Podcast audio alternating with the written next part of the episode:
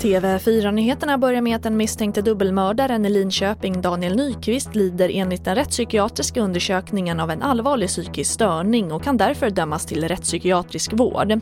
Det var 2004 som han på öppen gata mördade en kvinna och en pojke. Och mer om det här kan du se på TV4 Play. Och butikskedjan Lidl återkallar korv efter att det visat sig att den kan innehålla salmonella. Återkallandet gäller produkten färskkorven Kelbasa av varumärket Svea Lantkött. Salmonellan upptäcktes vid en rutinkontroll och företaget uppmanar alla kunder som köpt korven att lämna tillbaka den.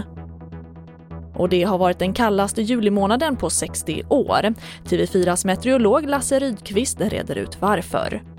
Ja, det beror ganska mycket på jetströmmen, hur den har legat nu i juli. Att den har legat här söder om landet och den här stoppar liksom upp den här mycket varma luften eh, som istället omringar Skandinavien då, att sprida sig norrut till våra breddgrader. Eh, så man skulle egentligen vilja ha en böj som stiger sig ovanför Sverige för att det ska få fritt spelrum att sprida sig norrut. Och det får avsluta TV4-nyheterna med mig Charlotte Hemgren.